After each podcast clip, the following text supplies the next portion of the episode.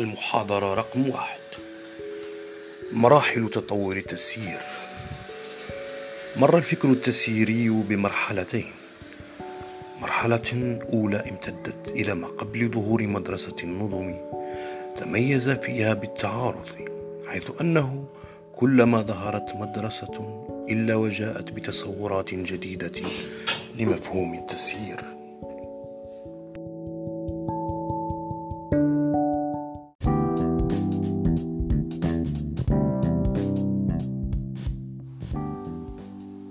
مدارس التسيير. مر الفكر التسييري بمرحلتين. المرحلة الأولى امتدت إلى ما قبل ظهور مدرسة النظم. تميز فيها بالتعارض حيث أنه كلما ظهرت مدرسة إلا وجاءت بتصورات جديدة لمفهوم التسيير. معارضة لأفكار كانت قائمة ومركزة على محاور لما يقتضيه المنهج التحليلي السائد آنذاك. ثم المرحلة الثانية بدأت مع ظهور مدرسة النظم وتميز فيها أو تميزت فيها المدارس والمعالجات بالتكامل فيما بينها. إذ كلما جاءت مدرسة إلا وحاولت احتواء الفكر القائم وتطويره للوصول إلى مفهوم يعكس حقيقة مصطلح التسيير. المرحلة الأولى أولا المدرسة التقليدية أو مدرسة الطراز الأول. تعتبر هذه المدرسة هي الإطار الفكري الأول الجامع لمساهمات مفكر التسيير ولقد عرفت عرفت لدى الكثيرين من الكتاب باسم المدرسة العلمية. وباعتبارها أول المدارس التي أضفت الطابع العلمي على التسيير ووجهت اهتمام المسيرين نحو كفاءة استخدام الموارد لدفع مستوى الأداء عوض ما كان سائدا من قبل. إن كفاءة المؤسسة وفعاليتها تزدادان بتوسع حجمها. تضم هذه المدرسة إسهامات كل من فريدريك تايلور هنري فايول وماكس فيبر أما فيما يخص تايلور ومساهماته حيث صدر له عام 1911 كتاب بعنوان مبادئ أو مناهج الإدارة العلمية. وقد احتوى خلاصة تجاربه التي انصبت على حل مشكلة تباطؤ العمال المتعمد أي جعل وقت العمل وقتا إنتاجيا. وحاول وضع معايير للأداء على دراسة الزمن والحركة. كما استحدث نظام الأجر بالقطعة. لطعش أو ما يعرف باللغة الدارجة يطعش يهدف من خلاله إلى كيفية تحفيز العمال من حيث الحد للعمال أنهم إذا عملوا بسرعة فإنهم يحصلون على أجور أعلى لأنهم يساهمون في زيادة إنتاجية المؤسسة.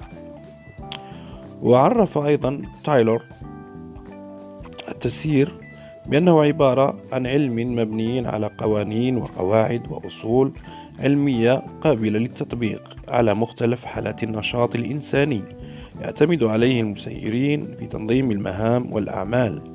داخل المؤسسة وفقا للمبادئ التالية. أولا إيجاد أحسن طرق للأداء في أي عمل كان. ثانيا اختيار وتدريب القوى العاملة على أسس علمية. ثالثا التقريب والتوحيد بين الطرق المثلى للأداء لدى العمال والمدربين. رابعا خلق روح التعاون بين العمال والمسيرين والتقسيم العادل للمسؤولية بينهم. ومن منطلق الفلسفة الكلاسيكية يعتقد تايلور أن مصالح العمال والملاك عفوا والمساهمين متكاملة باعتبار كلها يتصرف ولا كلهم يتصرفون بعقلانية لكن هذا التكامل لا يجسد إلا لا يجسد عفوا إلا بواسطة التسيير الذي يحدد آليات إنجاز المهام من جهة والمكافآت المقابلة من جهة أخرى.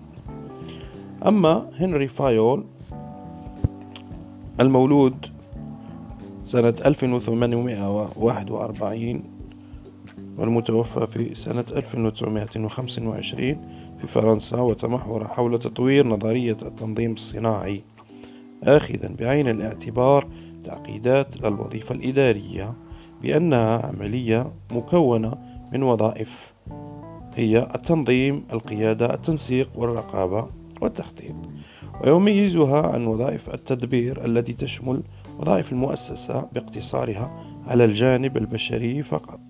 ولقد توصل فايول إلى اكتشاف العلاقة العكسية بين الكفاءة البشرية والتقنية حيث يرى أنه كلما ارتقينا في الهيكل التنظيمي ازدادت الحاجة إلى الكفاءة البشرية وتضاءلت الحاجة إلى الكفاءة التقنية أو المهنية فضلا عن مبادئه الأربعة عشر الذي يرى أن التقيد بها في كل الأحوال يؤدي إلى إدارة فعالة وهذه المبادئ الأربعة عشر هي واحد تقسيم العمل لتحقيق التخصص.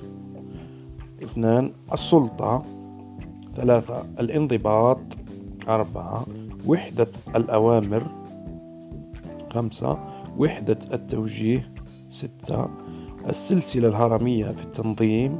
سبعة المكافأة ثمانية المركزية تسعة النظام عشرة العدالة 11 استقرار الموقع الإداري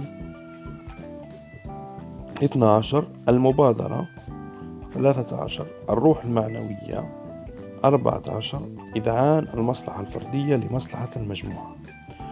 من ناحية أخرى فقد قسم فيول أنشطة المؤسسة إلى خمسة أنشطة أساسية هي واحد الفنية التي تتعلق بالصنع والإنتاج اثنان التجارية والتي تتعلق بالشراء والبيع والتداول ثلاثة المالية أي الحصول على رأس المال واستخدامه أربعة تتعلق بالتكاليف الميزانيات الإحصاء خمسة الأمن والضمان. بين قوسين حماية الأشخاص والممتلكات. وعلى الرغم من أن المدرسة التقليدية باستبدالها الحدث بالأساليب العلمية ساهمت كثيرا في إرساء قواعد.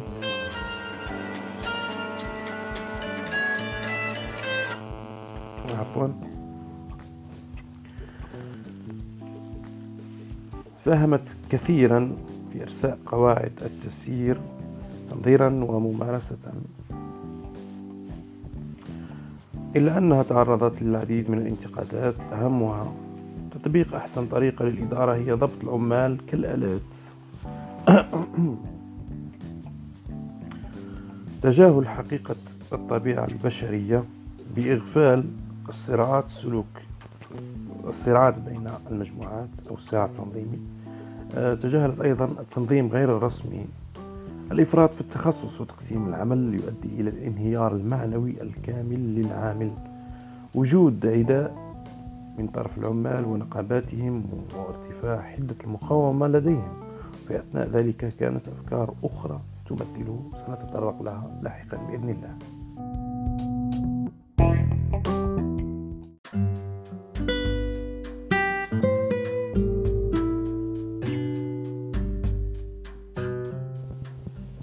المحاضرة الثانية. مدرسة العلاقات الإنسانية. إن إغفال المدرسة التقليدية للجوانب الإنسانية للبشر وتجاهلها لتعقد العلاقات والصراعات بين الأفراد وما لذلك من أثر على مردودهم كان رد بعض الباحثين إلى اعتماد هذا الجانب من التسيير كأساس لإنشاء مدرسة عرفت فيما بعد باسم العلاقات الإنسانية. المدرسة ترجع أصولها إلى تجارب الأسترالي إلتون مايو وزملائه على مصانع الهاوثورن فرع شركة ويسترن إلكتريك الأمريكية الممتدة بين 1927 1992 والتي انطلقت من فرضية وجود علاقة وثيقة بين الإنتاجية وظروف العمل. لكن بعد سلسلة من التجارب التي أجراها في مجموعة من المراحل عوض أن يتواصل الباحثين إلى تأكيد هذه الفرضية توصلوا إلى أن إنتاجية العمال ومردودهم يرتبطان أكثر بالجو السائد بينهم من جهة وبينهم وبين الإدارة من جهة أخرى. وكذا بمدى قدرة المسيرين على تحفيزهم وإدماج أهدافهم مع أهداف المؤسسة. الشيء الذي استوجب أن تركز برامج تكوين المسيرين على القيادة العلاقات الإنسانية الاتصالات غير الرسمية وكيفية إشراك العمال في اتخاذ القرار. باعتبار ذلك عاملا مهما في رفع الروح المعنوية لديهم أي التنظيم غير الرسمي الروح المعنوية الدافعة التفاعل الاجتماعي إلى آخره. وبناء على هذه الخلاصة فإن المدرسة عرفت التسيير أو عرفت التسيير بأنه هو فن الحصول على النتائج باستخدام المجهود المشترك للأفراد عن طريق الاهتمام بالتنظيم غير الرسمي والتحفيز. وعلى الرغم مما توصلت إليه هذه المدرسة في تفسير السلوك القسري داخل المؤسسات إلا أنها تعرضت لكثير من النقد بسبب أولا الإفراط في التركيز على الجانب الإنساني مما جعلها تغفل أهمية الجوانب الأخرى. ثانيا إغفال التعارض بين أفراد المجموعات الصغيرة داخل التنظيم غير الرسمي. لدينا عنوان آخر وهو مدرسة النظام الاجتماعي. في الوقت الذي بلغت فيه مدرسة العلاقات الإنسانية أوجها بدأ تيار آخر قريب لهذه المدرسة في التكوين والظهور مركزا على العلاقات بين المجموعات المكونة للمؤسسة أو بما تعرف باسم الأنظمة الاجتماعية أو النسق الاجتماعية. من جهة والعلاقة بين الفرد والمجموعة التي ينتمي إليها من جهة أخرى. أخذ بعين الاعتبار تأثير عوامل البيئة الخارجية على الأفراد خاصة المحيط الأخلاقي. لقد أسس هذه المدرسة كل من برنار وهنري سيمون.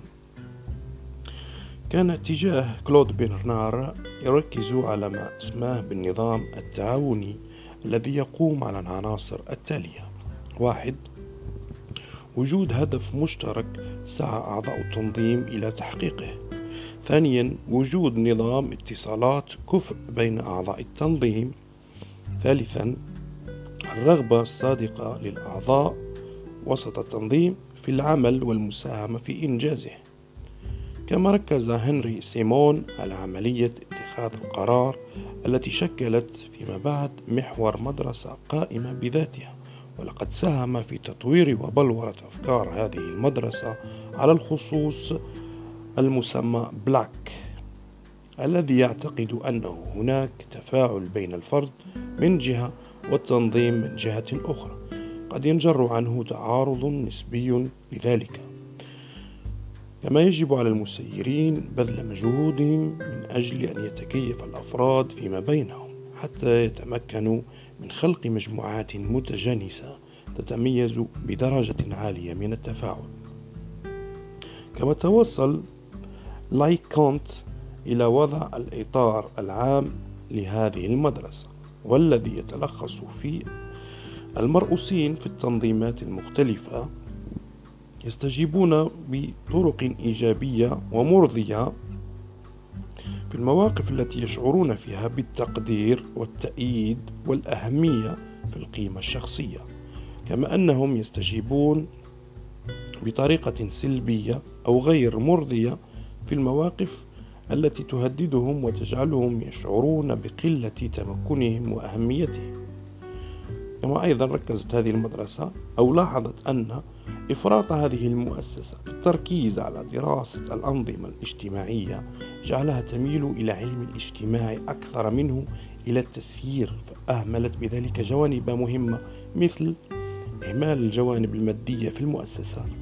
إغفال نتائج دراسات علم النفس الفردي حصر أسباب الصراعات في كل من الوضعية في الهيكل التنظيمي والوضعية الاجتماعية. انتهى.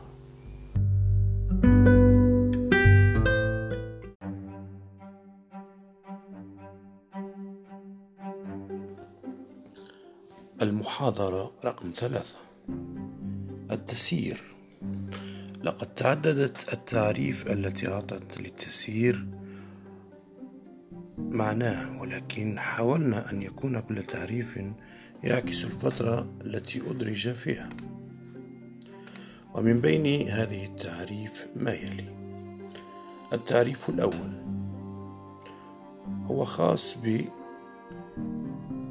بعلم مبني على قوانين وقواعد وأصول علمية قابلة للتطبيق على مختلف حالات النشاط الإنساني. وهناك أيضا تعريف فايول الذي يقول أن الوظيفة الإدارية تشمل النسق النسق التنظيم القيادة النسق من جهة الرقابة. وفرق بين الوظيفة الإدارية ووظيفة التسيير. لا نعلم ماذا يقصد فيول هنا ولكن الأرجح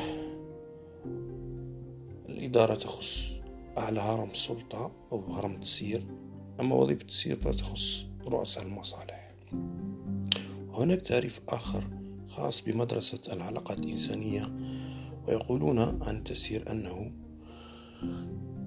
فن الحصول على النتائج باستخدام المجهود المشترك للأفراد. هناك تعريف آخر خاص بمدرسة النظم أو مدرسة النسق لسيستم تعرفه على أنه نظام مكون من مجموعة من العناصر والأفراد المترابطة بعلاقات متداخلة والمرنة بدلالة هدف معين. وهناك تعريف آخر يخص مدرسة عملية التسيير أو l'opération de gestion ينظر إليه من حيث كونه ممارسة أو عملية تعتبر فكرة قديمة ومتجددة. قديمة لأن فيول سبق الفكر المعاصر إلى ذلك. متجددة أصبحت تمثل محور مدرسة قائمة بذاتها ألا وهي المدرسة العملية للتسيير. نقدر نقول لها حتى المدرسة البراغماتية. صح المعنى. إذ يرى مفكر هذه المدرسة أن التسيير مثلا السيد زوني يقول أن التسيير هو نشاط مكون من مجموعة أنشطة فرعية أساسية له والتي تشمل معا عملية التسيير. كما يقول عن التسيير السيد بيرجيرون التسيير هو تلك العملية التي من خلالها تخطط النظم آه، التسييرية أو نخطط للنظم التسييرية ونراقب موارد المؤسسة لأجل بلوغ الأهداف المحددة.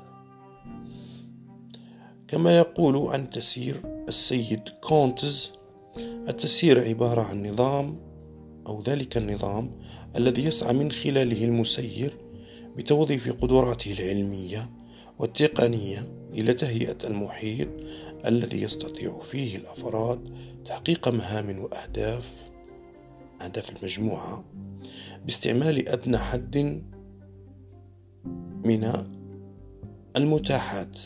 لا ديسبونيبيليتي يقصد بها هنايا الزمن النقود أو الموارد أو تفادي ما أمكن من عدم الرضا الوظيفي. على العموم هذه تعريفات يعني مترجمة نقدر نقولوا ترجمة حرفية. تسعين بالمئة ضمنية يعني وعشرة بالمئة حرفية. تعريف التسيير حسب منهج النظم أو آه نقدر نقول إحنا مدرسة النظم. إن ممارسة التسيير سيكون عبارة عن عملية معالجة للمدخلات الواردة من المحيط لتحويلها إلى مخرجات ثانية إلى المحيط. التسيير وثقة الارتباط بالمحيط. إحنا ربط التسيير بالمحيط يعني لأن المؤسسة لا تنشط في فراغ. هذه مدرسة النظم أصلا يعني تنظر للمؤسسة على أشبه بالخلية التي تتلقى من المحيط وتطرح إلى المحيط سواء تطرح حرارة أو expansion كما كما نقولوا حنايا توسع إلى آخره. للإشارة كلمة جيستيون يكون هذا المصطلح شامل يعني ضيق المضمون حيث أنه يهمل مجموعة التقسيمات في العملية البشرية فمصطلح management باللغة الإنجليزية واسع النطاق بالإضافة إلى أنها تدخل القدرات والكفاءات القيادية التي تتوفر لدى المسير حب يقول بالله management أكثر آه، معنى وأكثر شمولية من كلمة جيستيون الفرنسية. كما إحنا نقولوا جماعة المغرب العربي نقولوا جيستيون مثلا جماعة اخواتنا في تونس يقولوا la gérance la gérance أو التدبير. المشرقيين يقولوا management أو إدارة الأعمال مصطلح التسيير ما نلقاوهش عند المشرقيين. هذا راجع للثقافات الأنجلوساكسونية وثقافتنا نحن فرنكوفونية إلى آخره. وفي الأخير إعفاء مجموعة من التعريف السابقة. نتوصل إلى هذا التعريف الشامل وهو التسيير. هو مجموعة من المعارف النظامية متراكمة. أكيميلي ومعروفة تسمح بفهم الحقائق العامة بالتسيير لأنه يتطلب استخدام الأسلوب العلمي لحل المشاكل. ذلك الأسلوب الذي يقوم على تعريف المشكلة وتحليلها ودراستها ومن ثم حصر البدائل والطرق الممكن اتباعها ومفارقتها قصد اختيار أفضلها. يعني بعد ولا les variantes ولا mauvaises variantes التي تؤدي إلى سوء التسيير نبعدو عليها باش نتوفقوا في اختيار أفضل لي في التسيير. وكذا اعتماده على الطرق الكمية les méthodes quantitatives رياضية إحصائية بحوث علمية وبحوث العمليات إلى آخره. وعندما ينتهي علم التسيير يبدأ فن التسيير لاغ دو جيستيون لأنه استعداد إبداعي ذاتي مضاعف. باستخدامه للحصول على النتائج.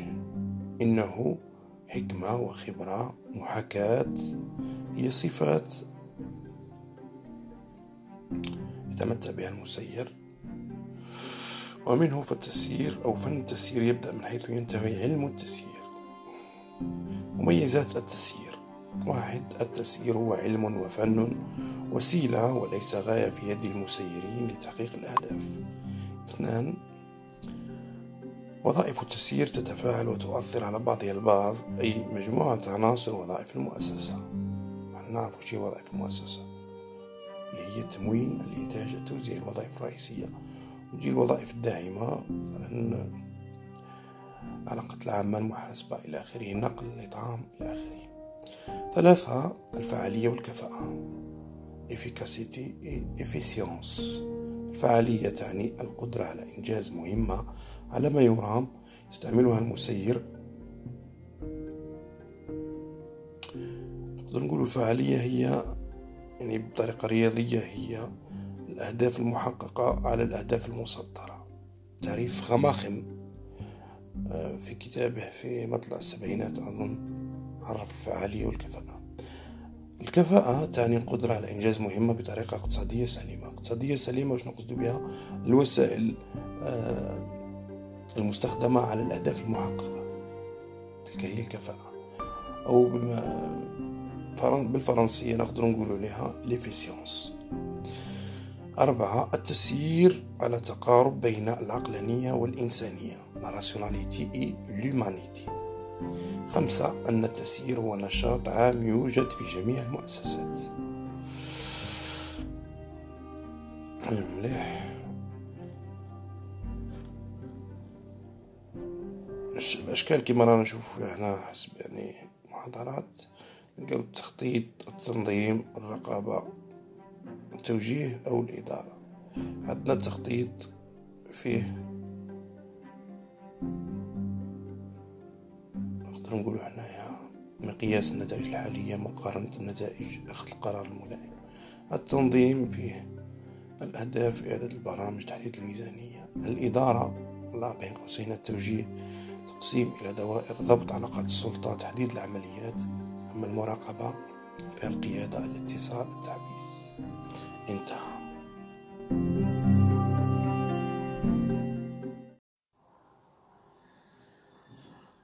المؤسسة والمحيط. تعتبر دراسة محيط المؤسسة أمرا مهما نظرا لأن هذه الأخيرة تجد نفسها دائما في علاقة مستمرة مع محيطها فهي تأتي بوسائل نشاطها الموارد المادية والبشرية المالية والمعلوماتية وغير ذلك من محيطها. كما تجد فيه منافذ لمنتجاتها أو بما يعرف بالأسواق كما أن طبيعة هذا المحيط لابد أن تأخذه المؤسسة بعين الاعتبار عند تصميم استراتيجياتها فالمؤسسة جزء من المجتمع الذي توجد فيه وبالتالي تتأثر به وتؤثر فيه بمعنى أن المؤسسة تتأثر بالمتغيرات الحادثة في محيطها وأيضا بإمكانها أن تؤثر فيه بنشاطها بتعبير آخر المؤسسة ليست حرة ولكن مقيدة بعوامل أو عناصر محيطها. كمعدل الفائدة معدل التضخم.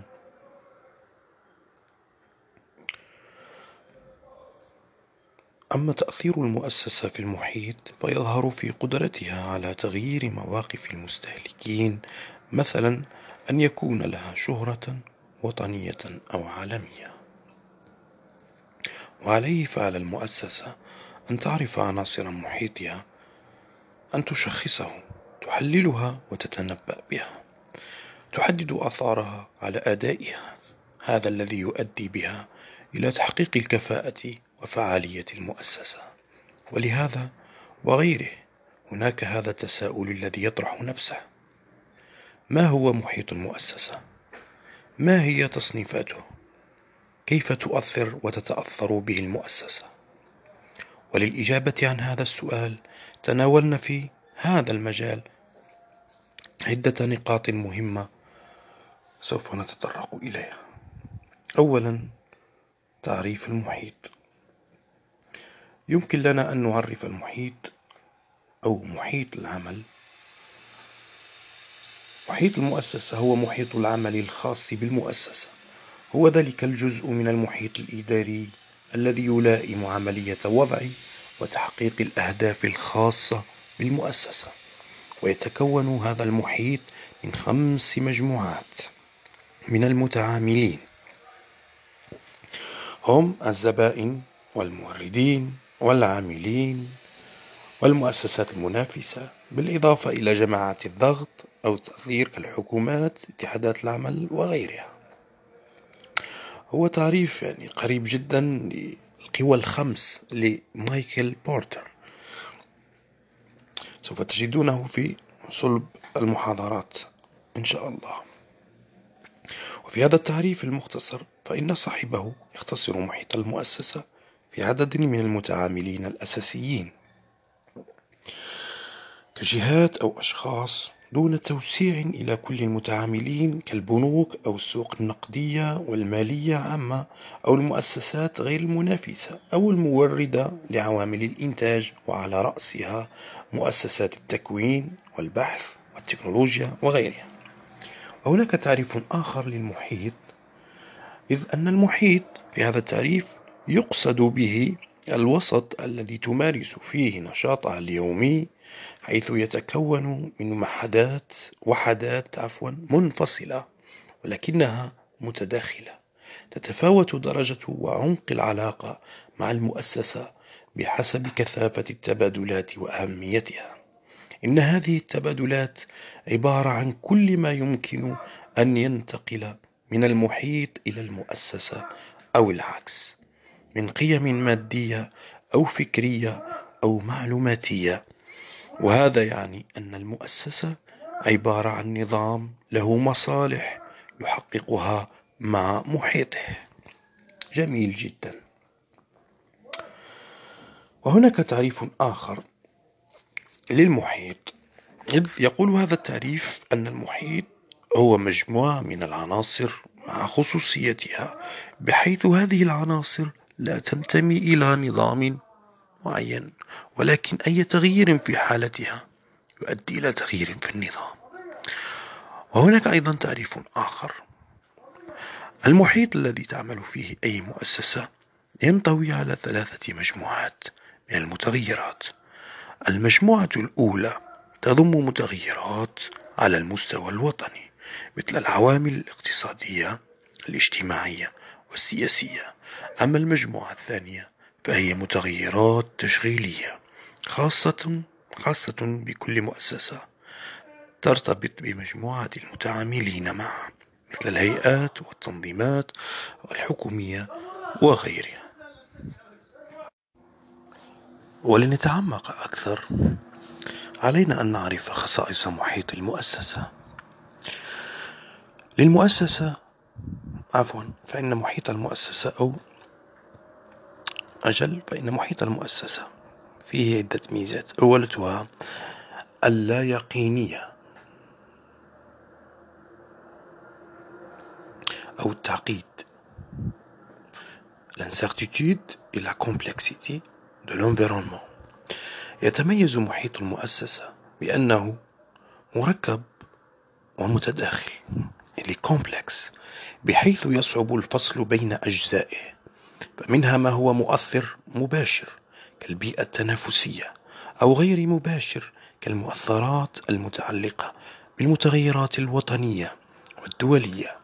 وهذا التداخل يحدث أو يحدث عدة مستويات من التأثيرات قد تكون متزامنة مثل زيادة الضرائب وعلاقتها بهيكل التكلفة وزيادة حدة الصراع التنافسي أو قد تكون متسلسلة كتوجهات الحكومة في الإصلاح الضريبي التي تؤدي إلى التأثير سلبا أو إيجابا على بعض القطاعات دون غيرها.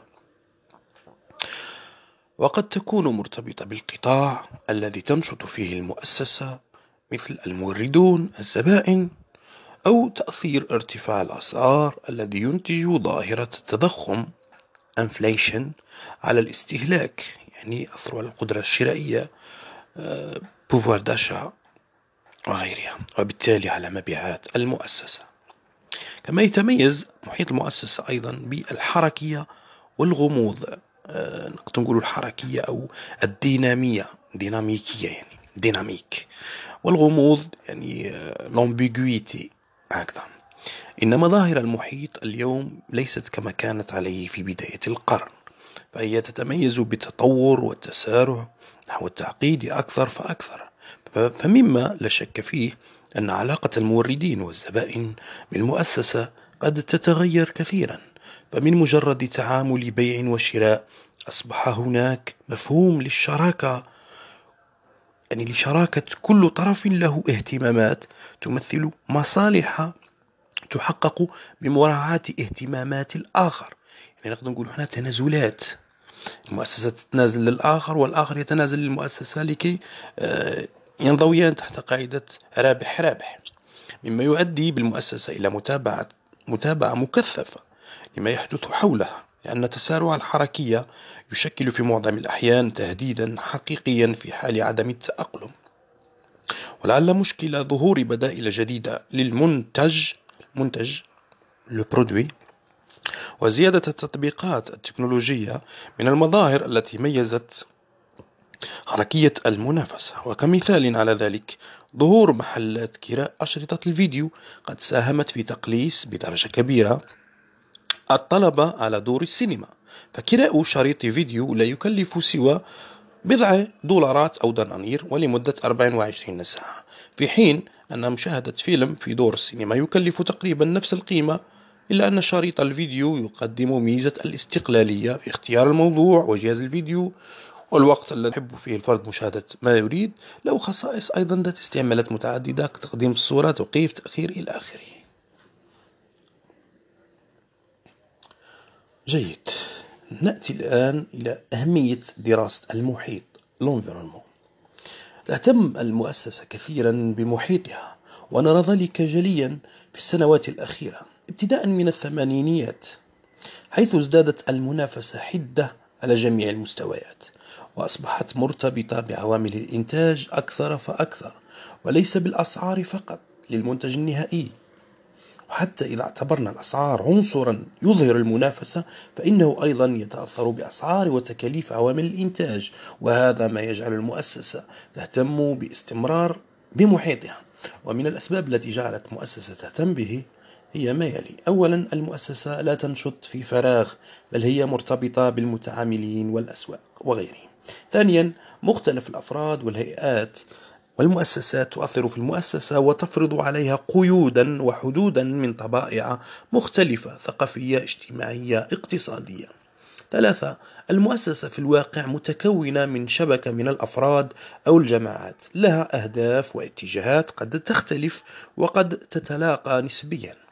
رابعا المؤسسة تقوم باستعمال الموارد المختلفة من المحيط. وتقدم إليه مخرجاتها فيهمها إذا مكان وجود أسعار ونوعية نوعية هذه العوامل وكذا منافسة المؤسسات في نفس السوق. خامسا المؤسسة تقبل على اختيارات أو قرارات ذات وزن مؤثر ليس فقط على عملها اليومي ونتيجتها الدورية وإنما على حياتها وجودها ووجودها كلية سادسا السوق تشهد تطورا. سادسا السوق تشهد تطورا عنيفا في مختلف العناصر المحددة للطلب والعرض مثل تغير الأذواق والاحتكاك بين المجتمعات والثقافات وكذا تغير التكنولوجيا التي تساهم في إنتاج أشياء أكثر راحة.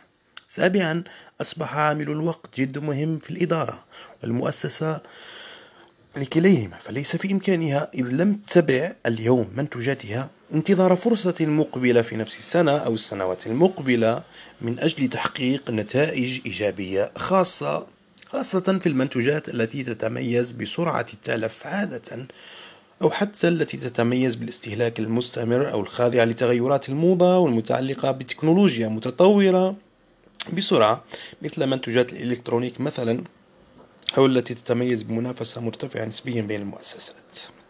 ولمختلف هذه الأسباب وغيرها فالمؤسسة تسعى إلى اتصال مستمر مع تغيرات المحيط الاقتصادية الاجتماعية وغيرها. انتهى. محاضرة المسار المهني والمؤسسة. أولا المسار المهني للفرد. يحتل موضوع المسار المهني أو الوظيفي أهمية خاصة. لدى جميع العاملين نظرا للتطورات الجديدة في بيئة العمل والتي شملت التغيرات في أنماط الحياة وهيكل القيم وتركيبة القوى العاملة والتغيرات التكنولوجية وإعادة الهيكل. ويعكس ذلك أحد التحديات الجديدة وغير المتوقعة التي يجب أن تتعامل معها الإدارة في جهودها لحشد واستغلال مواردها البشرية لغرض الحفاظ على وضعية المؤسسة في السوق وانطلاقا مما سبق ولغرض توضيح هذه الأهمية سنتناول ما هو آت تعريفات المسار الوظيفي. المسار الوظيفي هو المسلك الذي يوضح مجموعة الوظائف المتتابعة. التي يتدرج فيها الفرد أو ينتقل إليها خلال عمره الوظيفي في المؤسسة. وذلك إما عموديا عبر المستويات التنظيمية من قاعدة الهيكل التنظيمي حتى قمته وتسمى هذه الحركة بالترقية. أو أفقيا فتسمى بالنقل الوظيفي الأفقي. فالتوجه المعاصر في رسم المسارات وفي ضوء ما تقدم ينبغي على المديرين أن يتفهموا عملية رسم المسار الوظيفي والاختلافات في احتياجات واهتمامات العاملين في كل مرحلة من مراحل حياتهم العملية حتى تتحقق لجهودهم الفعالية. وقد عرفه معجم الإدارة كما يلي المسار الوظيفي مجموعة من الوظائف المختلفة أو مراكز وظيفية مرتبطة بتسلسل وظيفي معين ومثل ذلك المراكز التي يرقى إليها الموظف خلال سيرته المهنية مثل المحاسب الذي يبدأ بوظيفة مسك الدفاتر ثم يرتقي إلى مشرف المجموعة المحاسبية ثم إلى نائب رئيس قسم المحاسبة ثم مديرا لقسم المحاسبة. فهذه الوظائف المترابطة هي ما يعبر عنه بالمسار الوظيفي وفي العادة توضع خرائط أو خطط متناسقة للترقية تكون معلنة وواضحة للأفراد العاملين في المنظمة تحدد فيها أو تحدد فيها العلاقة بين كل عمل والأعمال الأخرى. والخطوط التي تشير إلى مسالك الترقية والتقدم من المراكز الدنيا إلى المراكز العليا. ويمكن النظر إلى مفهوم المسار الوظيفي من عدة زوايا فقد ينظر إليه على أنه مجموعة أو مجموعة الوظائف المتتالية التي يشغلها الفرد على امتداد عمره الوظيفي والتي تتأثر باتجاهاته وطموحاته وقدراته ومشاعره وقد ينظر إليه على أنه سمة مميزة للموظف والوظيفة والمؤسسة. فهو نموذج للخبرات المرتبطة بالعمل والممتدة عبر حياة الإنسان المهنية. إذ يتكون المسار الوظيفي من مجموع المناصب المرتبطة التي تخطط مسبقا ويتم تعيين العامل فيها تدريجيا والتي تمتد طوال حياته المهنية وتتأثر هذه الوظائف باتجاهات الفرد وطموحاته. كما ينظر إلى المسار الوظيفي على أنه مسار للحراك داخل المنظمة أو تراكم مجموعات فريدة ومميزة من المراكز والخبرات خلال شغله لوظائف معينة. ثانيا الخصائص من خلال تعريف المسار الوظيفي يمكن أن نستخلص الخصائص التالية يقع الفرد أو يقع على عاتق الفرد أن يرسم أو يرسم المسار الذي من خلاله يرى مستقبله الوظيفي شريطة أن يكون ذلك مقرونا بالصفات والقدرات والمهارات التي تؤهله لذلك. أيضا يقع على الفرد قدر من مسؤولية هيل نفسه وتوفير القدرات والمهارات والصفات التي تؤهله لشغل الوظيفة التي يدفع المنظمة لتوفيرها له لشغلها.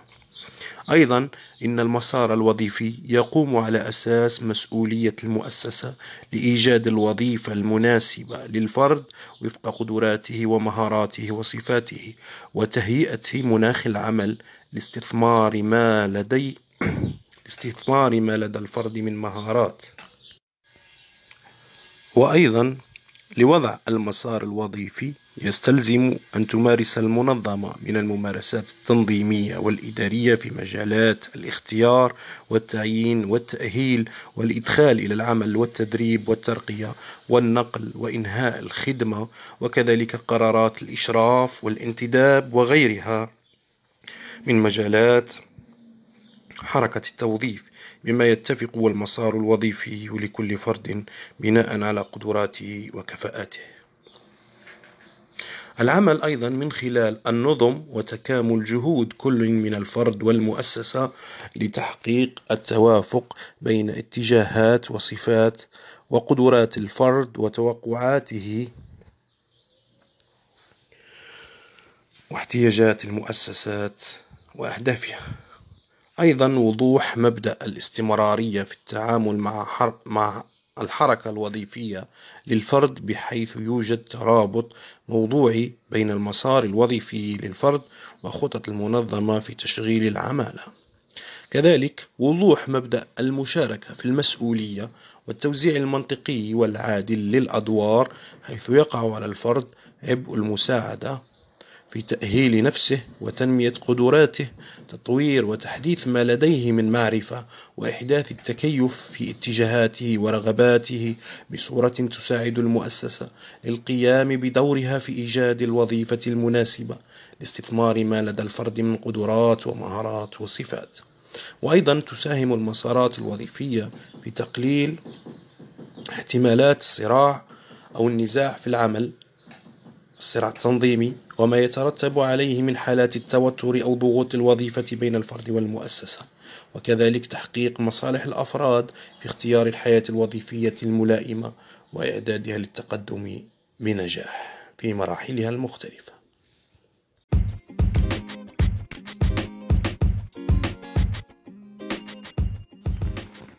الاقتصاد الصناعي.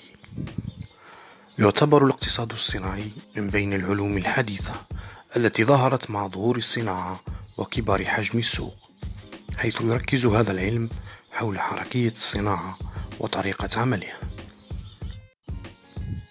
بحيث يعتمد في تحليل الصناعة على النموذج المعروف في الاقتصاد الصناعي بالهيكل السلوك الأداء بمعنى أن الاقتصاد الصناعي يركز في التحليل على محورين أساسيين هما السوق والمؤسسة.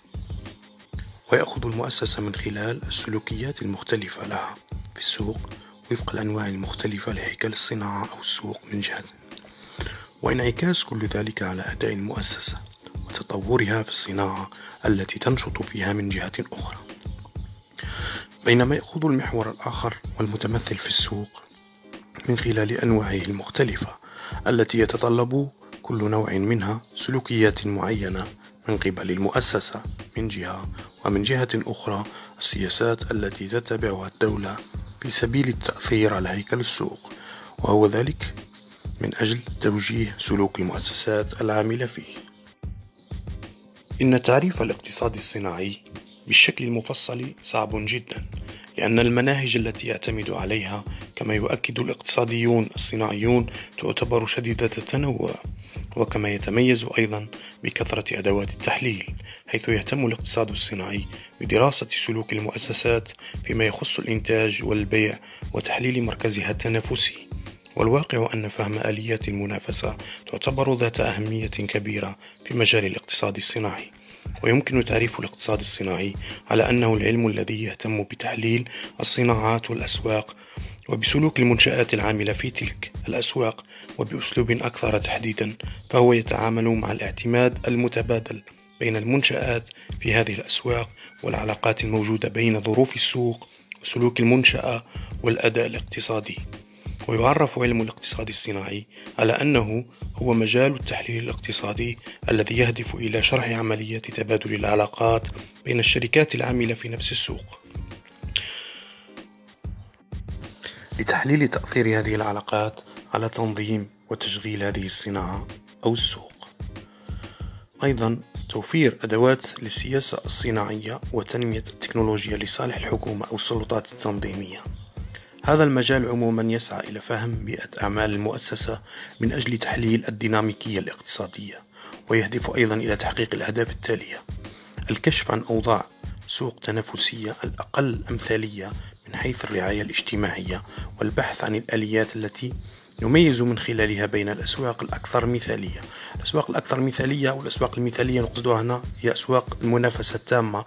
يعني ما كانش هناك يعني احتكار للسلعة وأسعار غريبة مرتفعة جدا وغير ذلك. هذه الأسواق المثالية.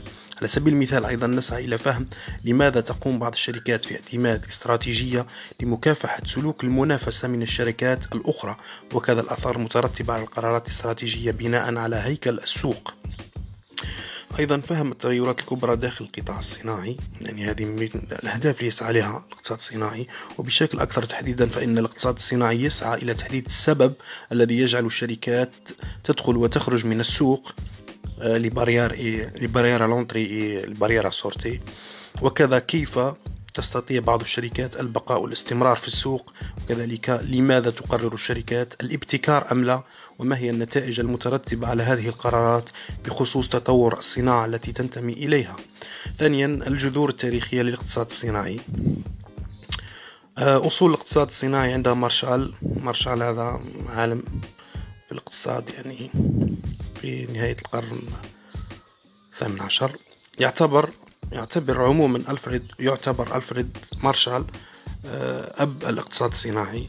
بدأت كتابته في نفس الفترة التي بدأت الصناعة الحديثة تتأسس في إنجلترا عام 1879 ألف مع زوجته كتابا اسمه الاقتصاد الصناعي. تعرض فيه إلى تحليل سلوكات المؤسسة وشرح تطور هياكل الأسواق في الأمد البعيد. وفي كتابه أيضا مبادئ الاقتصاد سنة 1890 نفى مارشال قانون تناقص الغلة في المجال الصناعي الذي تحدث عنه ريكاردو أو دافيد ريكاردو في المجال الزراعي. وفسر مبدأ الأفضلية في سيطرة مؤسسات على أخرى عن طريق قانون الغلة المتزايدة غير المحدودة الذي يمكن فهمه من خلال الاقتصاديات الداخلية وكذا الخارجية والوصول بهيكل الصناعة أخيرا إلى حالة الاحتكار وهذا هو التناقض الذي وقع فيه مارشال. ثانيا أيضا تطور الاقتصاد الصناعي الأمريكي. كان الهدف الأساسي للساسة الأمريكيين جعل الاقتصاد الأمريكي اقتصادا مفتوحا. الأمر الذي أنتج رأسمالية شرسة أدت إلى كبر حجم المؤسسات وضخامتها مما جعل جلها محتكرة خصوصا في المجالات الحساسة كالحديد والبترول مما أثار آه، نقاشا حادا حول نقطتين. هل من المعقول ترك المجال مفتوحا أمام حركة التركز؟ كونسنتراسيون التي تدعو إلى أن البقاء يكون للأكثر فاعلية أو العكس؟ آه، يجب وضع قواعد للحفاظ على تنافسية الأسواق. سؤال هذا. وتفادي هيمنة الاحتكار تدخل الدولة؟ وقد كان الاختيار الثاني هو المفروض من خلال التصويت سنة 1890 على قانون شيرمان ضد التكتلات. آه، معروف قانون شيرمان ضد التكتلات و آه، آه، سوء نية المنافسة يعني بالترجمة تاعها. وانطلاقا من هذا القانون ظهرت مجموعة دراسات ميدانية حول فعالية المؤسسات والأسواق وحول طبيعة القوانين والقواعد التي يجب وضعها من طرف الدولة. وقد توصل ماسون سنة 1938 لنتيجة مفادها انطلاقا من دراسة هيكل الصناعة يتم تشخيص أداء المؤسسات الاقتصادية ومقارنة أدائها مع ما يجب أن يكون وبعدها تأتي قوانين السوق من أجل تحسين أداء المؤسسات. أيضا فكرة ثالثة آه الظهور المتأخر للاقتصاد الصناعي في فرنسا أيضا سنة 1970 لماذا في سنة 1970 بالذات؟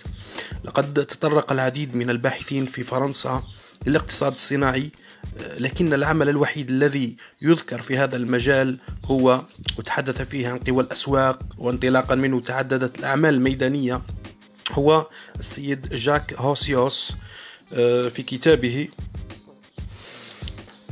الذي اهتم بدراسة الهيكل الصناعية الفرنسية حيث دمج الاقتصاد الصناعي في البرامج الجامعية لينتشر أكثر في فترة الثمانينات بمرسوم الاقتصاد الصناعي.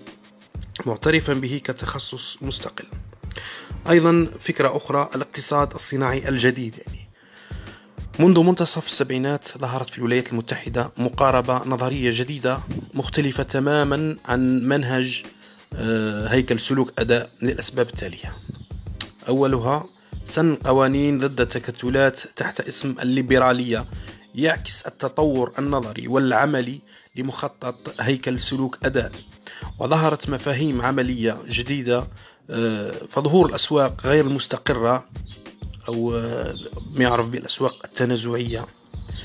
آه، ظهور أيضا صفقات أو اقتصادية الصفقات والعقود يعني بعض المشاريع يعني تدوم سنوات وبالتالي سميت باقتصاديات الصفقات والعقود. مشروع واحد أو منتوج على شكل مشروع يدوم سنوات أو عقود من الزمان بناء الجسور بناء طرق بناء غير ذلك. كاين بعض السلع يعني السلع المعمرة جدا. آه، أيضا آه، ظهور اقتصادية الوفرة ظهور أيضا نظرية الوكالة تطور نظرية الألعاب.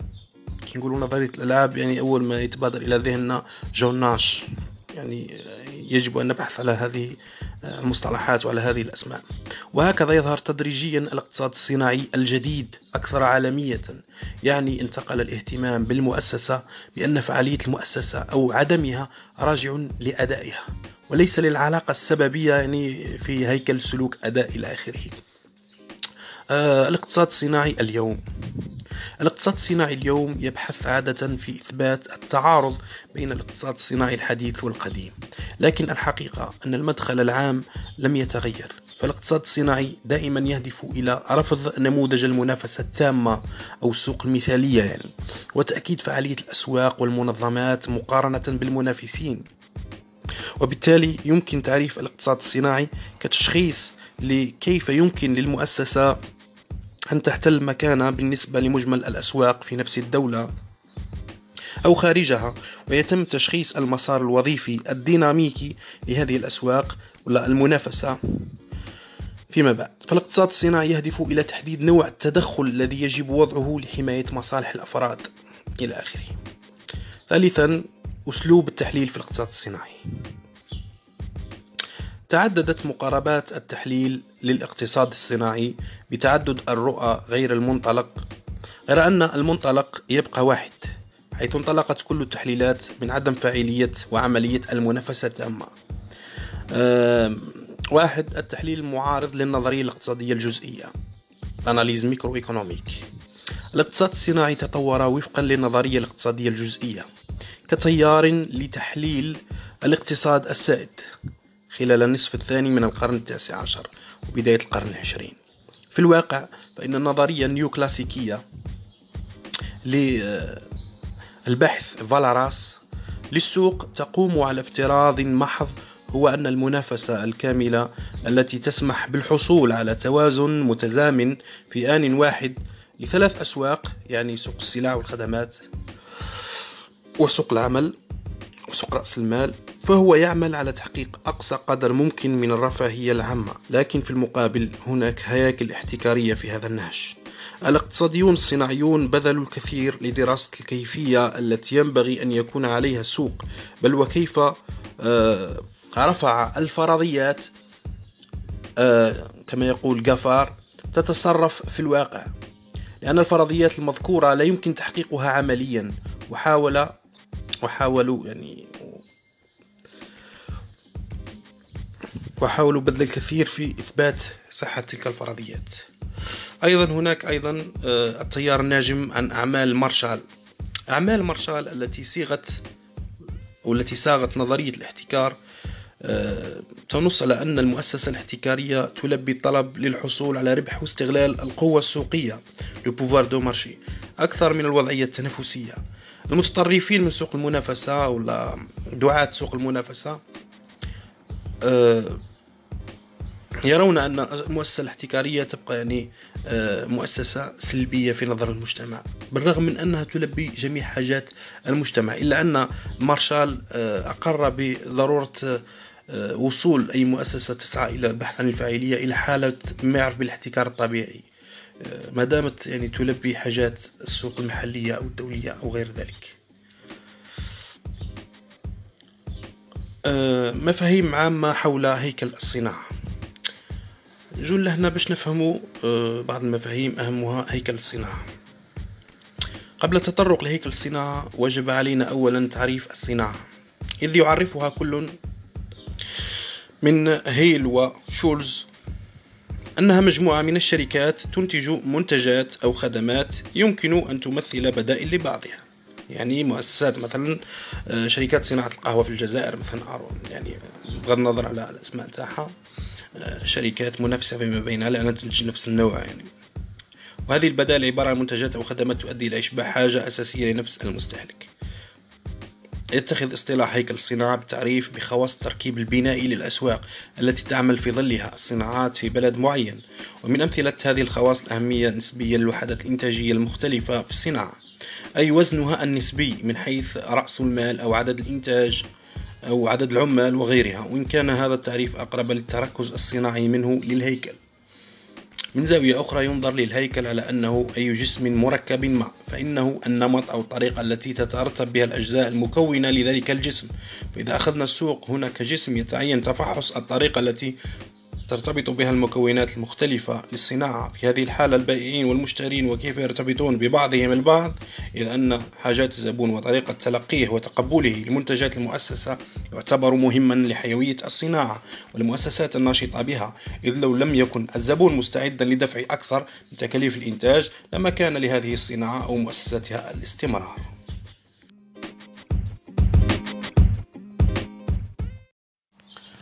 كما أن هيكل الصناعة يتشكل من مجموع الخصائص الاقتصادية والفنية. من بين هذه المكونات الأساسية ذات الصلة الوثيقة بقوى المنافسة الخمس الخصائص المتعلقة بدرجة نمو الصناعة والتكاملات الممكنة بها وحواجز الدخول والخروج منها وإليها وسهولة الحصول على وسائل الإنتاج وجودتها وإمكانية الوصول إلى قنوات التوزيع. وغيرها من المكونات. وتجدر الإشارة إلى أن هيكل الصناعة يمكن النظر إليه من عدة نواحي. أولا من حيث تركيب الصناعات. ينقسم إلى صناعات وسيطة استهلاكية أو رأسمالية وكذا نسبة إسهام كل منها في الناتج الكلي والعمالة الكلية في القطاع. أيضا من حيث طبيعة وشكل السوق ومدى وجود عوامل احتكارية.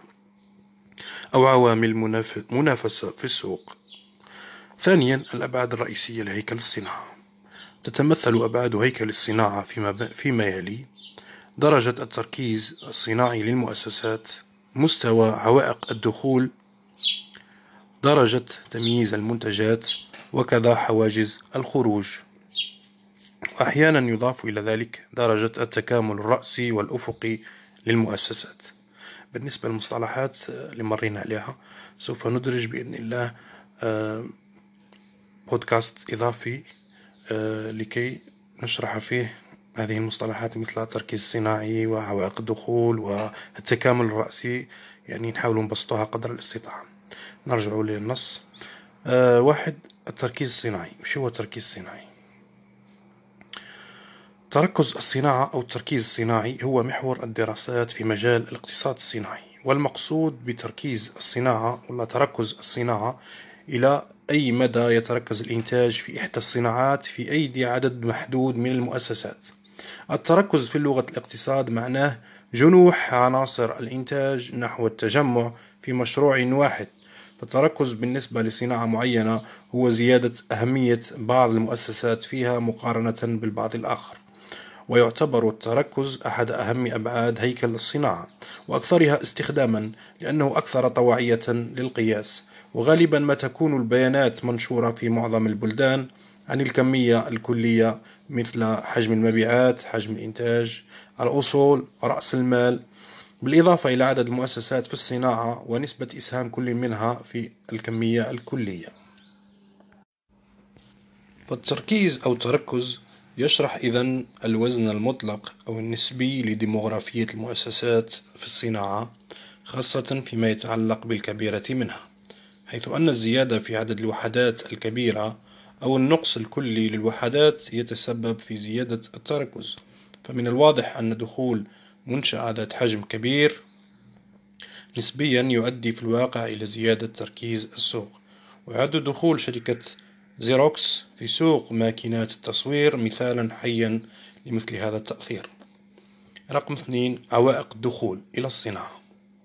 يعرف ستيغلر في سنة 1968 عوائق الدخول أو عائق الدخول تلك التكلفة الإنتاجية عند مستوى معين أو عند كل مستويات الإنتاج التي يجب أن تتحملها تتحملها عفوا المؤسسة الراغبة في دخول الصناعة. ولا تتحملها أصلا المؤسسات الموجودة في الصناعة. حسب ستيغلر إذا تماثلت ظروف الطلب وتكلفة الإنتاج للمؤسسات القائمة والجديدة فلا وجود لعوائق الدخول أما بين السيد بين فيعرف عوائق الدخول على أنها مقدرة المؤسسات القائمة على وضع سعر لا تستطيع أي مؤسسة محتملة الدخول عنده أو دونه دون أن تحقق خسائر وإن كان هذا السعر يسمح بذلك. أي يسمح للمؤسسات القائمة بتحقيق ربح. وتكاليف عائق الدخول لا تشمل فقط تكاليف الدخول بل زمن الدخول ضروري. ضروري أيضا للدخول وتتصف عوائق الدخول عموما بالعوامل التي تؤدي إلى منع أو الحد من دخول مؤسسات جديدة للقيام بإنتاج أو بيع سلعة ما في سوق صناعة معينة. وتفسير عوائق الدخول في تفسير استقرارية الهياكل ويشترط في عوائق الدخول إقامة طاقة إنتاجية جديدة. فالتوسع في الطاقات الجديدة أو الانفصال بعد الاندماج لا يعتبر دخولا. بالإضافة إلى أن الميزات تكون طويلة الأمد ولا طويلة الأجل. رقم ثلاثة سياسة التمييز بالمنتجات. يهدف التمايز بالمنتجات إلى خلق بعض الأشياء التي تبدو وحيدة على القطاع والتي يدرك العديد من زبائن القطاع أنها ذات أهمية. ثم تجد المؤسسة لنفسها وضعية تصبح لنفسها المشبع الوحيد لهذه الحاجات حيث يصعب محاكاة الخصائص من طرف المنافسين فيجعل الزبون يدفع سعر أعلى لأنه ليست هناك بدائل كاملة للمنتج من وجهة نظره. يعمل التمييز على تدعيم عوائق الدخول بسبب تكاليف التغلب على تفضيلات شراء الزبائن مع المؤسسات القائمة. فمن الضروري على المؤسسات الجديدة أن تنفق مبالغ طائلة على الدعاية والتوزيع لتحقيق لتحقق عفوا لنفسها سمعة طيبة. وتكسب ولا زبائن جدد. كما أن الاستثمارات اللازمة كتأسيس علامة متميزة مثلا سوف لن تكون لها أي قيمة متبقية فيما إذا أدى الدخول إلى خسارة. ويشترط تطبيق سياسة التمييز بالمنتجات ما يلي؟ أولا إدراك الزبون لتميز المنتج la حيث أن المنتجات تتميز وفقا لمقاييس الزبائن وآرائهم أو بمعنى آخر حتى علامات إسبيرين محددة بمواد كيماوية معينة إذا كان المستهلكين يعتقدون أنها مختلفة تكون مميزة بالنسبة لهم. أيضا البحث التكنولوجي والبحث التسويقي شرط مهم جدا لضمان التمايز في المنتجات. أيضا الحرص على الموازنة بين السعر والتكلفة. ومن الواضح انطلاقا من شروط من الشروط المذكورة أن وسائل التمييز الإعلان وكذا البحث والتطوير مهمة في هذا المجال. رقم أربعة عوائق الدخول. واحد مفهوم عوائق الخروج. عفوا. رقم أربعة عوائق الخروج. ألف مفهوم عوائق الخروج. عوائق الخروج هي عوامل تلزم المؤسسة على البقاء في السوق غير المربح. قلنا عوائق الخروج هي عوامل تلزم المؤسسة على البقاء في السوق غير المربح وبالتالي نجد أن المؤسسات تستمر في التنافس حتى لو كانت تعتقد أن ذلك لا يدر عليها الكثير من الربح. ولا شك أن معرفة أي مؤسسة محتملة بوجود عوائق خروج في الصناعة قد يجعلها تتردد في دخولها إلى سوق هذه الصناعة. ب أسباب البقاء في الصناعة غير المربحة. قد تستمر المؤسسة في الصناعة غير المربحة للأسباب التالية. مثلا امتلاك المؤسسة لوسائل إنتاج متخصصة تحول دون تغييرها لمجال نشاطها. أيضا فترة اهتلاك وتقادم الأصول ثابتة كلما كانت قصيرة كلما كان الخروج من الصناعة سهلا. وأيضا الإرادة السياسية. تدخل الدولة بمجموعة من القيود تحول دون الخروج. أيضا اتفاقية العمل التي تكلف الكثير عند نقضها بالإضافة إلى أن المؤسسة قد تكون متكاملة مع قطاعات أخرى أو ما يسمى بالارتباط الحلائقي فثمة مؤسسات لا يمكن أن تستغني عنها أو تستغنى لا يمكن أن تستغني عنها قطاعات أخرى. الارتباط الروحي والعاطفي الذي يشعر به الملاك والمدراء بالإضافة إلى القوانين الخاصة بتسريح العمال وإغلاق المصنع التي أصبحت شائعة في كثير من الدول. ثالثا أشكال هياكل الصناعة. هناك أربعة أشكال لهيكل الصناعة تتمثل في المنافسة التامة الاحتكار التام المنافسة الاحتكارية واحتكار القلة. وتختلف هذه الأشكال عن بعضها البعض باختلاف العناصر المحددة لهيكل الصناعة التي تطرقنا لها. مثلا المنافسة التامة وتتميز بالخصائص التالية. وجود عدد كبير من المنتجين يتنافسون بينهم حيث يسيطر كل منهم على جزء صغير جدا من الإنتاج. الكلي وبالتالي لا, لا يستطيع التأثير في السوق. أيضا وجود عدد كبير من المشترين وأن كمية الشراء لكل مشتري تعتبر قليلة بالنسبة لمجموع المعروض السلعي وليس لهم الإمكانية في التأثير على السوق. أيضا تجانس وتماثل المنتجات الموجودة في السوق بالشكل الذي يعطي إمكانية انتقال وتحول المشتري من بائع إلى آخر من أجل الحصول على السلعة الجيدة. أيضا حرية الدخول والخروج من السوق أي قدرة أي طرف سواء المستهلك أو المنتج أن يلعب أحدهم دور الآخر. فالمستهلك يمكن أن يتحول لبائع والعكس صحيح. من هنا فإن فرضية ربح يعني فرضية ربح تلوح في الأفق ستجذب لها عددا غير محدود من المنافسين يريدون أن ينالوا نصيبا من تلك الأرباح. ما دامت يعني عوائق الدخول ولا الخروج بسيطة جدا يعني وتكاد تكون مهملة يعني. بين قوسين يعني وبتحفظ بغض النظر على رأس المال الاستثمار يعني. أيضا علنية معاملات السوق من حيث الأسعار والكميات وأنواع الصفقات وبالتالي فليس هناك فرصة للتأثير على حجم العرض أو الطلب أو احتكار أي منهم أيضا اثنين الهيكل الثاني النوع الثاني من الهياكل الاحتكار التام. الاحتكار التام هو أحد أشكال السوق الذي توجد فيه مؤسسة واحدة تنتج سلعة ما ليست لها بدائل قريبة منها كذلك وجود عوائق كبيرة تمنع دخول بائعين آخرين لهذا السوق. والتمييز هذه السوق وبالتالي يعني وجود منتج أو بائع واحد للسلعة. هناك أيضا قيود على حرية الدخول للسوق قد تكون قانونية أو غير قانونية.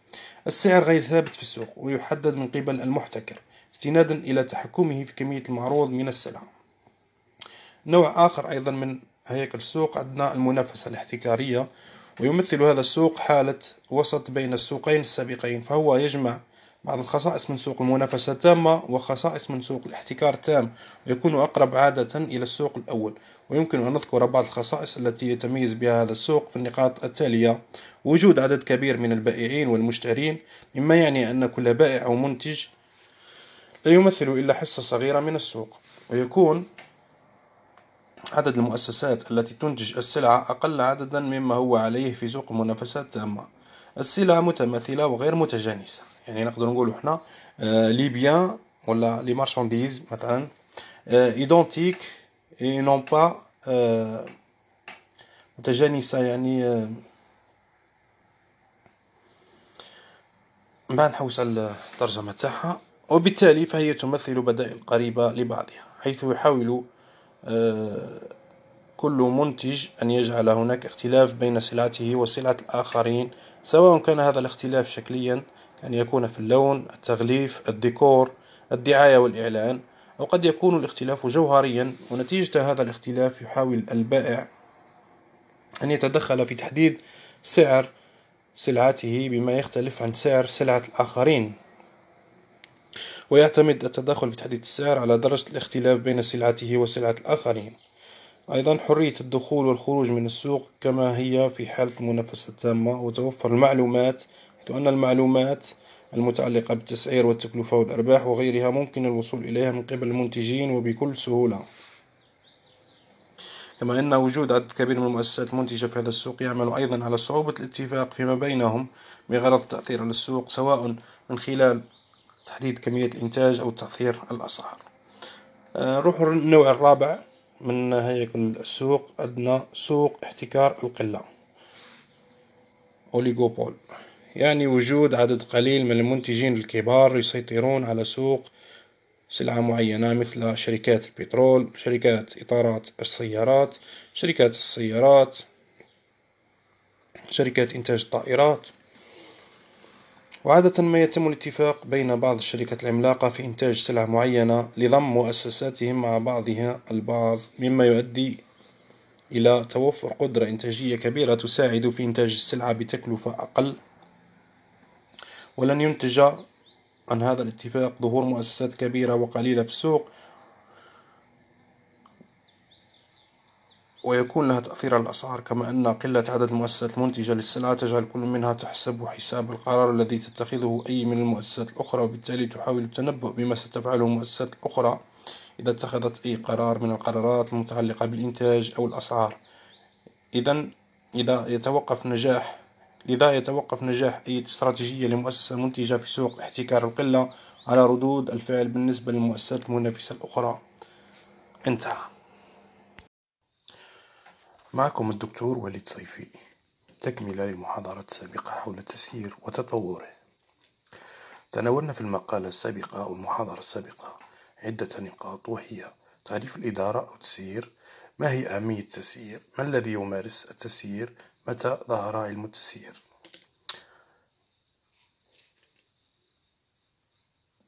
من التعريف المبسطة التي سبق ذكرها للتسيير هي أن التسيير وظيفة تنفيذ الأعمال عن طريق الآخرين باستخدام التخطيط والتنظيم والتوجيه والرقابة وذلك من أجل تحقيق أهداف المنظمة أو المؤسسة أو المشروع أو المصنع بكفاءة وفاعلية مع مراعاة المؤثرات الداخلية والخارجية على بيئة العمل.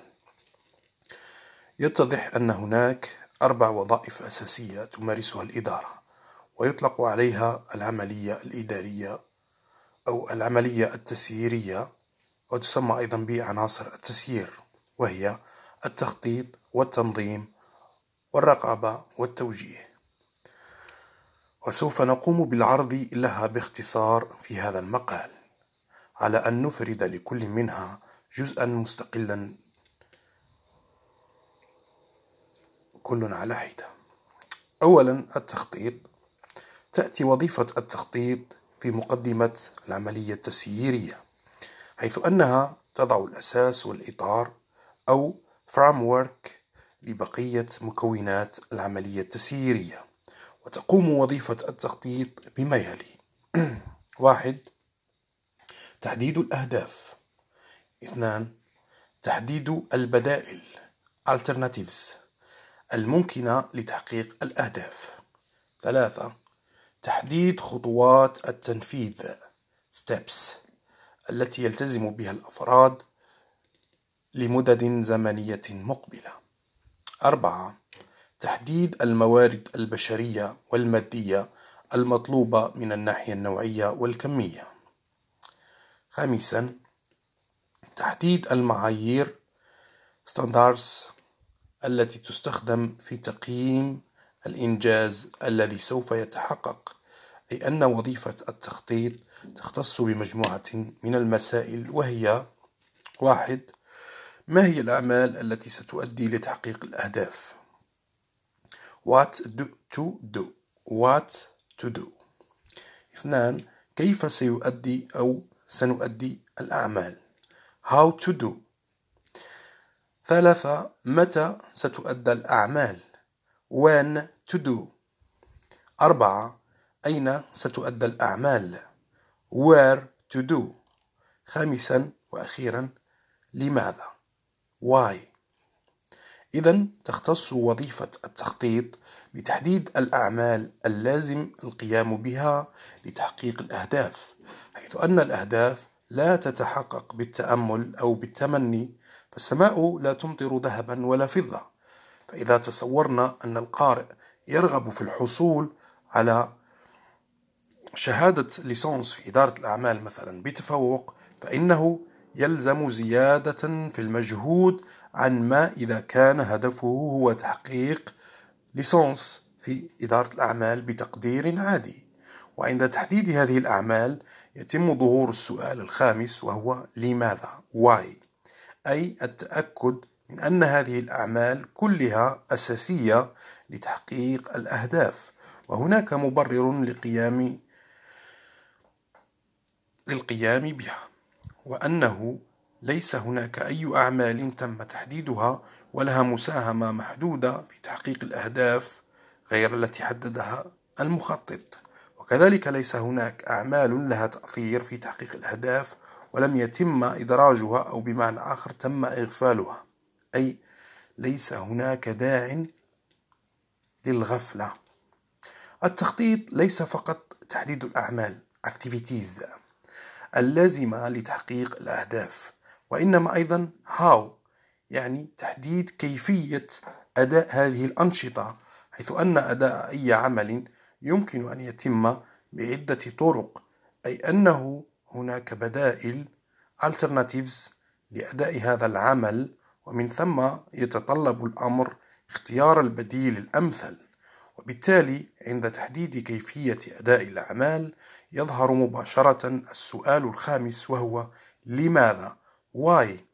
أي لماذا تم اختيار طريقة لأداء الأعمال دون أخرى؟ ومن الطبيعي أن وظيفة التخطيط لا تكتمل بدون ربط الأعمال التي سيتم تنفيذ الأعمال فيها حيث أنه لا تخطيط بدون تحديد الأزمنة المستقبلية التي سيتم تنفيذ الأعمال فيها فعند ربط تنفيذ الأعمال بفترات زمنية قريبة مقبلة يعد هذا تخطيطا قصير الأجل. أما إذا تم ربط تنفيذ الأعمال بفترات زمنية بعيدة مقبلة فإن هذا يعد تخطيطا طويل الأجل. ثانيا التنظيم أو تنظيم الأعمال. تختص وظيفة التنظيم بالنقاط التالية واحد تحديد الموارد اللازمة لتحقيق الأهداف اثنان تحديد المسؤوليات أو توزيع الأعمال التي تم تحديدها بواسطة التخطيط على القوى البشرية. ثلاثة تحديد العلاقات الرئيسية بين القوى البشرية أي من مسؤول أمام من؟ من يرأس من؟ من يراقب عمل من؟ من يوجه من؟ أربعة أيضا تحديد the authority أو السلطة اللازمة لكل فرد حتى يمكنه ممارسة وتأدية الأعمال التي تم تخصيصها له في شكل مسؤولية محددة. والسلطة قد تكون القدرة على التصرف المالي. السلطة قد تكون أيضا الحق في إصدار أوامر وتعليمات للغير. السلطة هي الحق الشرعي لأداء عمل معين. أي أن وظيفة التنظيم تختص بإيجاد إجابة وافية عن واحد من الذي سيؤدي عملا معينا؟ اثنان من الذي سيرأس من؟ ثلاثة من الذي له حق إصدار الأوامر؟ أربعة من الذي له حق الإنفاق المالي؟ خمسة من الذي له حق استخدام السيارة؟ ستة من الذي سيتكلم باسمنا؟ سبعة من الذي يوقع الشيكات؟ ثمانية وهكذا. المحور الثالث ولا ثالثا التوجيه. تختص وظيفة التوجيه بتحقيق تحرك القوى البشرية في الاتجاه الذي يحقق الأهداف. تقوم وظيفة التوجيه بتوفير المناخ والقيادة والمحفزات. والمحفزات عفوا التي تحقق تحرك الأفراد في الاتجاه السليم لتحقيق الأهداف بدلا من تشتت الجهود البشرية في اتجاهات تعوق وتحد من تحقيق الأهداف وتحقيق هذا المناخ يتطلب القيام بثلاثة وظائف فرعية وهي محتويات وظيفة التوجيه. واحد الاتصالات. اثنان القيادة. ثلاثة التحفيز.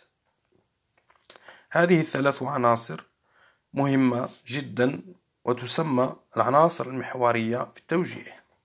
جيد. المحور الرابع أو رابعا الرقابة. الرقابة هي الوظيفة الإدارية التي بها تكتمل العملية التسييرية أو الإدارية أو السلسلة الإدارية. فإذا قام المدير أو المسير بالتخطيط أي تم تحديد ما هي الأعمال التي ستؤدى وكيف ستؤدى ولماذا ستؤدى. ثم قام بعد ذلك بالتنظيم أي تحديد من الذي سيؤدي الأعمال وما هي المسؤوليات وكذلك السلطات التي تحدد لكل شخص تحدد عفوا لكل شخص لكي يستطيع ممارسة ما هو مطلوب منه.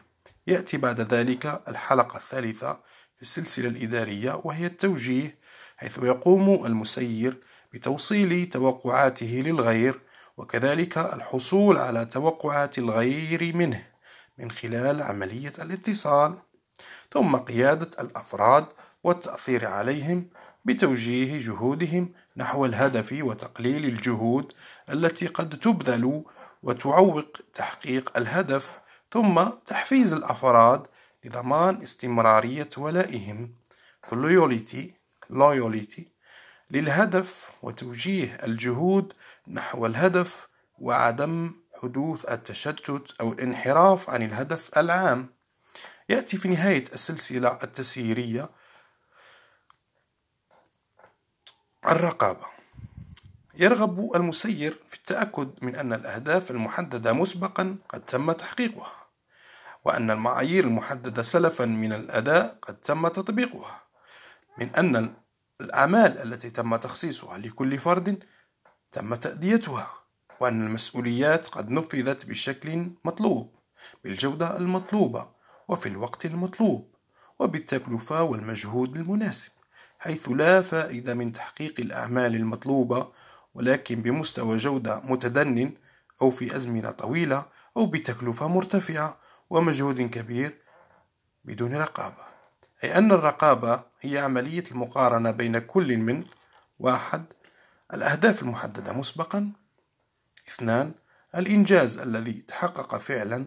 ثلاثة تحديد الانحرافات سواء كانت بالسلب أو بالإيجاب ومعرفة أسباب الانحرافات. شكرا. نوض صبح ربي وإيدي على قلبي نشهد ونستغفر نوكل أمري لربي هو اللي ينصرني هو اللي ينجيني. ياك شحال من أزمة هو اللي يهديني.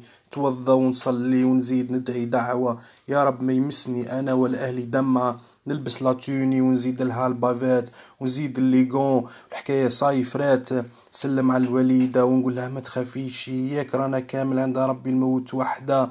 تبوسني على خدي والدمعة تخبي فيها وتقول لي يا ولدي كامل رايحين ليها. موطني موطني موطني ذا الإباء موطني موطني موطني يا أنا. نودع الأهل تاعي وأنا كل عزيمة. لا لا مش مكتوب لي نبكي الميمة نحافظ على روحي على قد ما عندي عزيمة. باش ننفع الوطن والشعب الغلبان. ما لقري في نفسي أنا ديما تعبان. بصح الفرحة تاعي كي يرتاحوا الناس. ما يهمش نفسي الحصول هما لباس اسمحي لي لميمة لو كان ينقص من عمري. اعرفي باللي ضحيت بكل قطرة من دمي. رغم كيد العدا رغم كل النقم سوف نسعى إلى أن تعم النعم. خرجت من الباب تاع الدار. صاي الحكاية كلها confinement total ما عنديش l'auto ولا transport نكمل نمشي ولا ندير stop من la gare ولا الكورس والبخاري ولا العالية حتى سبيطار ندخل من ال portail قلبي يبدأ يخبط. يدرى وش اليوم كاش جديد في الأقدار. سلم على الزميلات والزملاء كامل. نحاول نقرأ وجوههم. يدرى شكون اليوم مات. أي لباس من البسمة اللي في عينيهم نعرف باللي الحكاية راهي بين يديهم. سوف نرنو إلى رفع كل الهمم سوف نرنو إلى رفع كل الهمم. كما نمشي حتى ال service نلبس stétho و tensiomètre في اليدين. نبدأ نسقسي وندعي ربي الحنين. فوت على الحالة الأولى يا لاباس وبعدها الثانية والثالثة كلش صايب خير. توصل 12 ما نحسش بالوقت. حياتي ماشي تاعي حياتي للمرضى. تعبانين مساكن رغم الظروف وأنا كيما لك الرحمة عليه منطوف ساعة ساعة عجوزة تدعيلي روح يا وليدي ربي راضي عليك. ساعة ساعة ملايكة يضحك لي. ننسى هم الدنيا وال moral يطلع لي. سوف نرنو إلى رفع كل الهمم بالمسير للعلا ومناجاة القمم. هي صح صح العمار بيد الله. بس ربي خلق الروح عمرك لا تفرط فيها. هذا كامل وزيد بلا ما نحكي. ننسى روحي وحياتي وأنا بلا ما نشكي. سوف نرنو إلى رفع كل الهمم بالمسير للعلا ومناجاة القمم.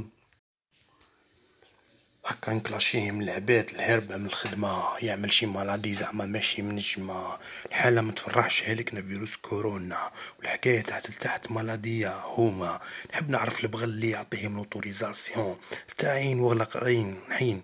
حتى تطلع لا طونسيون أنايا نحب نفضحهم ونجرجرهم في لي بيبليكاسيون باش الناس كامل تعرف الحرار تاع الصحف اللي سولدا بلون تولي يوم الزحف من أكبر الكبائر. الناس راهي تحارب وانتوما كيف طاير يا يا هكا نكلاشيهم العباد الهربة من الخدمة يعمل شي مالادي زعما ماشي منجمة الحالة ما تفرحش هلكنا فيروس كورونا والحكاية تحت لتحت مالادي ليهم هما نحب نعرف البغل اللي يعطيهم لوتوريزاسيون كل شي بالمعرفة حتى تطلع لا طونسيون. أنايا نحب نفضحهم ونجرجرهم في لي بيبليكاسيون. والناس كامل تعرفهم مندسين في لي بلوز بلون. تولي يوم الزحف من أكبر الكباير. الناس راهي تحارب وانتوما كي الفطاير طريين وهشيشين انتوما حلزين. الحلزون خير منكم يوصل حتى بعد سنين. أني نحكي على الفراملة والطب اللي هاربين.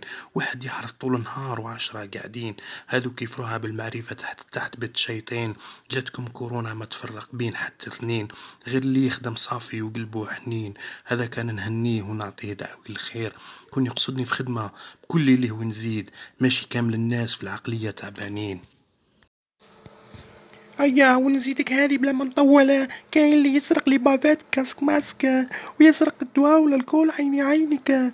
ونهار اللي يجي المريض ما يلقى والو حتى سكانر بالمعرفة يعقبوها له